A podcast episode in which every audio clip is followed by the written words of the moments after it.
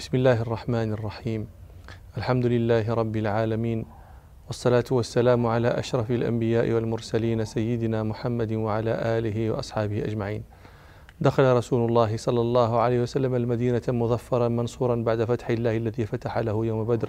قد هابه كل عدو له في المدينة وغيرها وأسلم ناس كثير من أهل المدينة ودخل المنافقون أصحاب ابن أبي في الإسلام ظاهرا. لكن رسول الله صلى الله عليه وسلم يوم دخل وجد بنته رقية رضي الله عنها زوجة عثمان بن عفان رضي الله عنه قد توفيت. روى الحاكم في مستدركه عن سهل بن حنيف رضي الله عنه قال لما فرغ رسول الله صلى الله عليه وسلم من بدر بعث بشيرين إلى أهل المدينة يبشرونهم بما فتح الله لنبيه صلى الله عليه وسلم بعث زيد بن حارثة إلى أهل السافلة وعبد الله بن رواحة إلى أهل العالية. فوافق آه، زيد بن حارثة ابنه أسامة حين سوي التراب على رقية بنت رسول الله صلى الله عليه وسلم. وكانت رضي الله عنها مرضت فخلف رسول الله صلى الله عليه وسلم عندها زوجها عثمان. ولذلك لم يشهد بدرا. فقد روى البخاري في صحيحه. عن ابن عمر رضي الله عنهما قال إنما لم يشهد عثمان بدرا لأن زوجته كانت مريضة فقال له رسول الله صلى الله عليه وسلم آه، إن لك أجر رجل شهد بدرا وسهمه. وهكذا الدنيا بينما يجيئك السرور من جهة يجيئك فيها الكدر من جهة أخرى. وإنما السرور المحض في آه، جنة ربنا سبحانه نسأل ربنا سبحانه أن يدخلناها بفضله وكرمه. ثم بعد أيام قلائل آه، جاء عيد الفطر. وهو أول عيد فطر عند المسلمين. لأن رمضان إنما كان آه، فرض عليهم في تلك السنة فكان أول رمضان. صاموه هو رمضان آه، رمضان ذلك العام. وأول عيد فطر شهدوه هو ذلك العيد. فشرع لهم رسول الله صلى الله عليه وسلم فيه آه، زكاة الفطر وشرع لهم صلى الله عليه وسلم فيه صلاة العيد وبين لهم فيه صلى الله عليه وسلم هديه فسن لهم صلى الله عليه وسلم الغسل للعيد روى الحاكم والبيهقي وغيرهم أن رجلا سأل علي بن أبي طالب رضي الله عنه عن الغسل فقال له اغتسل كل يوم إن شئت. فقال له إنما أسألك عن الغسل الذي هو الغسل.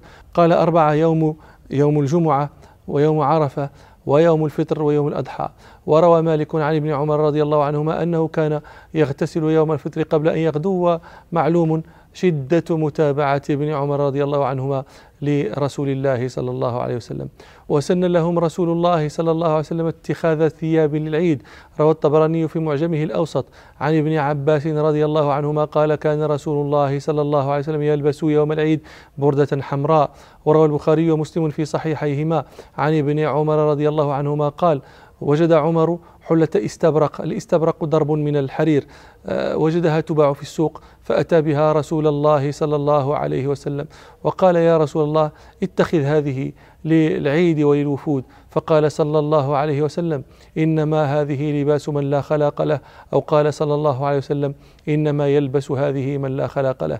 فأنكر عليه صلى الله عليه وسلم لبس الحرير ولم ينكر عليه اتخاذ لباس آه، للعيد والوفود.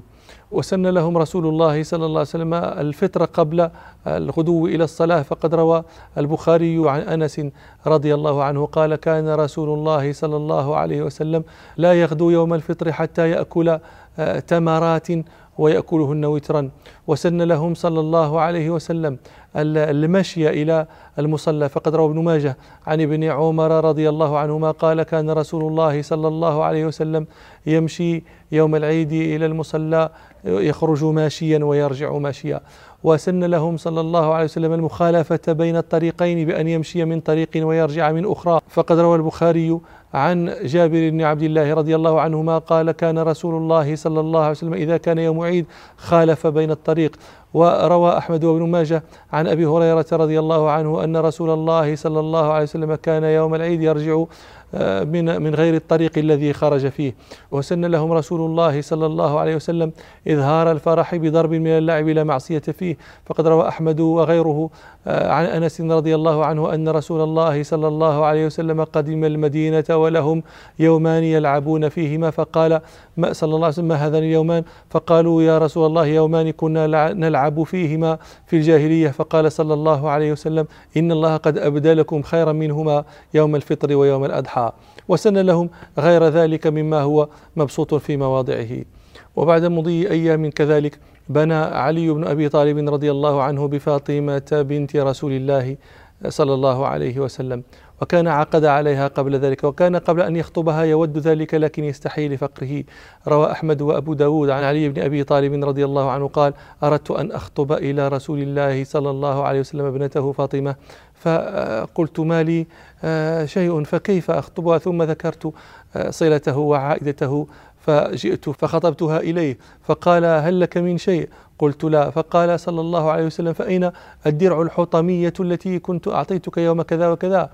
الدرع الحطمية هكذا على الأصوب وقد ضبطها الحافظ المنذري آه، بفتح الميم فقال الحطامية والمعروف كما ذكرت لكم أولا الحطمية. وقيل قيل الحطمية هي لأنها آه، تحطم السيوف آه، تنكسر عليها. وقيل لأنها ثقيلة والأظهر والله أعلم أنها منسوبة لحوطمة بن محارب. قوم كانوا يعملون الدروع فلقبت يعني بمن يصنعها؟ فقيل لها درع حطمية. فقال فأين الدرع الحطمية التي كنت أعطيتك يوم كذا وكذا؟ فقال ها هي. فقال أعطنيها فأعطيتها إياه. فكانت صداقة فاطمة رضي الله عنها. وقد روى البيهقي هذا الحديث بسياق أطول.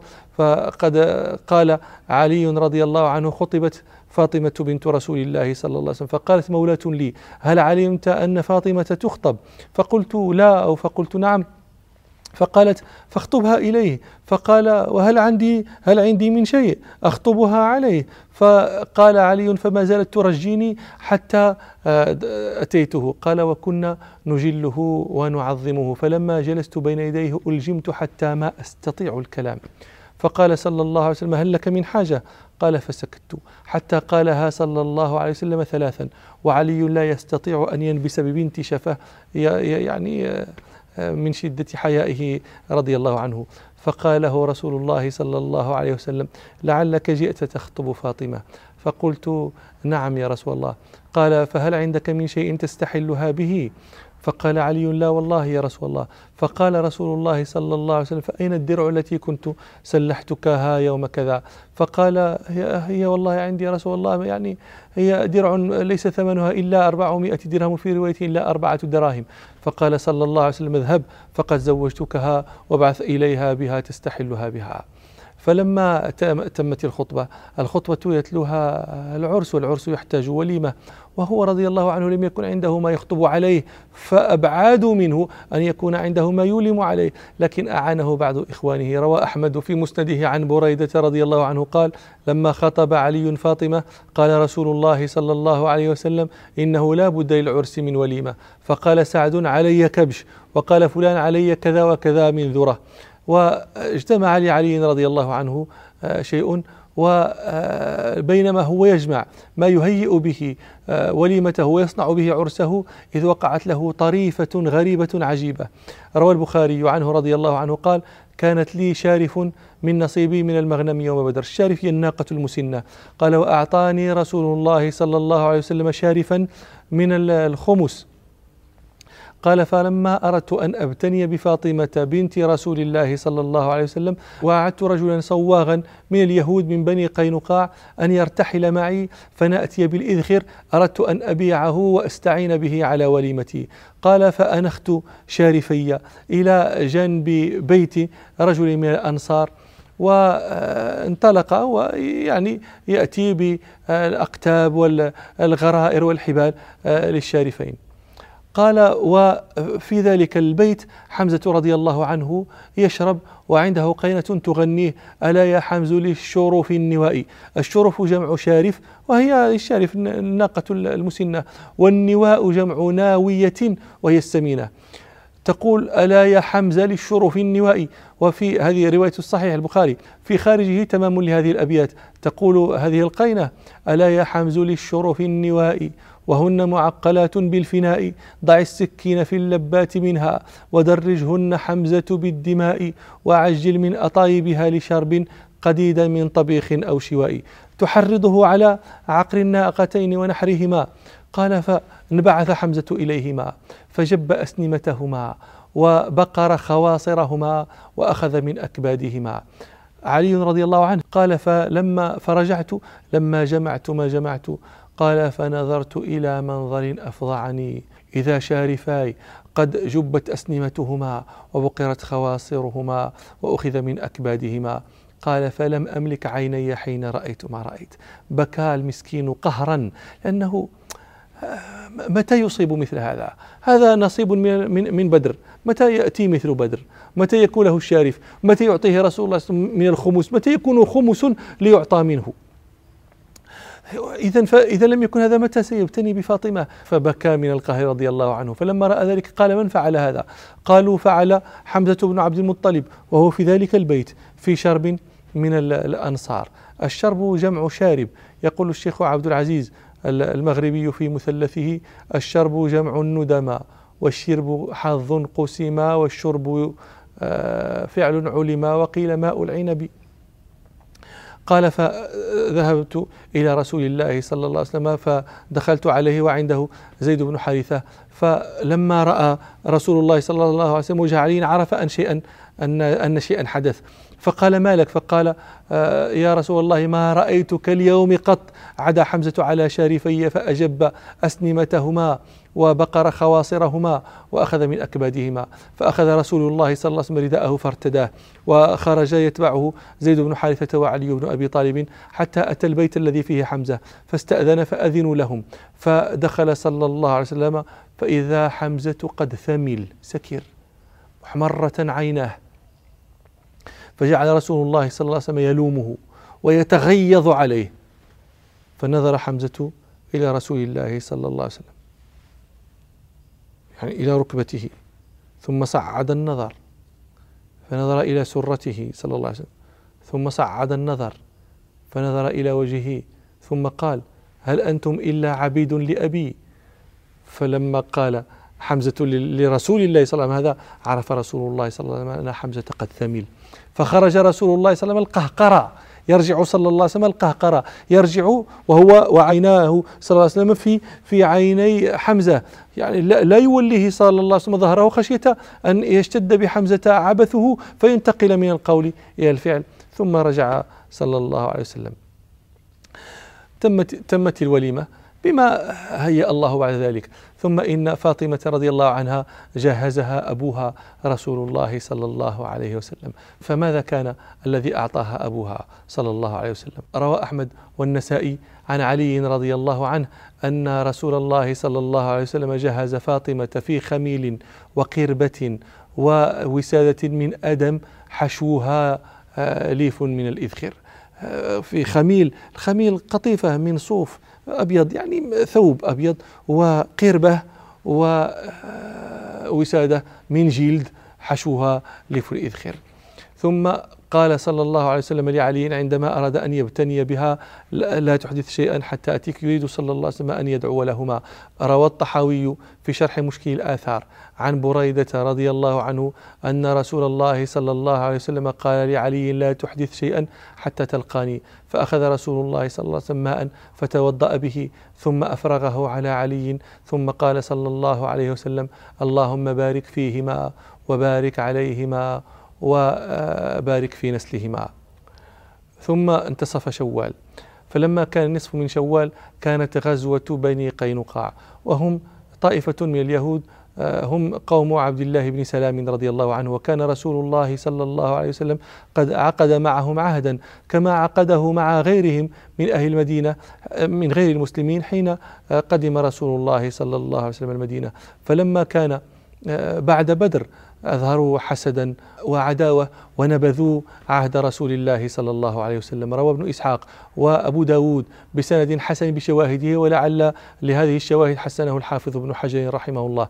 أن رسول الله صلى الله عليه وسلم حين رجع من بدر آه، منصورا مذفرا آه، جمع اليهود في سوق بني قينقاع. فقال لهم صلى الله عليه وسلم يا معشر يهود أسلموا قبل أن يصيبكم مثل ما أصاب قريشا.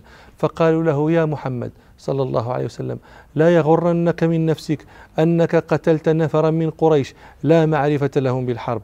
فلو أنك قاتلتنا لعرفت أن نحن القوم وأنك لم تلق مثلنا فأنزل ربنا سبحانه قل للذين كفروا ستغلبون وتحشرون إلى جهنم وبئس المهاد.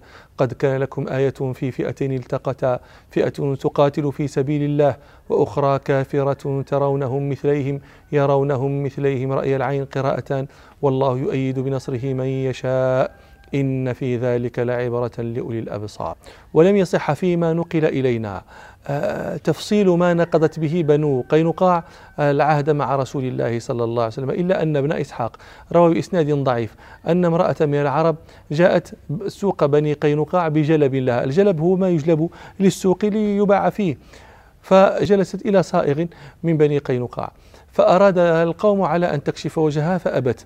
فعمد الصائغ إلى ثيابها من خلفها فعقدها وهي غافلة عن ذلك. فلما قامت انكشفت عنها ثيابها فظهرت عورتها. فرآها رجل من المسلمين فغضب فقتل الصائغ.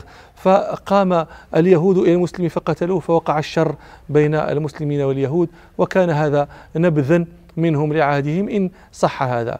وأيما كان فقد نقضوا عهدهم. فأتاهم رسول الله صلى الله عليه وسلم يغزوهم فقام المنافق عدو الله عبد الله بن أبي بن سلول يحامدونهم ويلح على رسول الله صلى الله عليه وسلم حتى أطلقهم فنفاهم رسول الله صلى الله عليه وسلم من المدينة. ونكمل حديثنا فيما نستقبل إن شاء الله. سبحانك اللهم وبحمدك أشهد أن لا إله إلا أنت أستغفرك وأتوب إليك والحمد لله رب العالمين.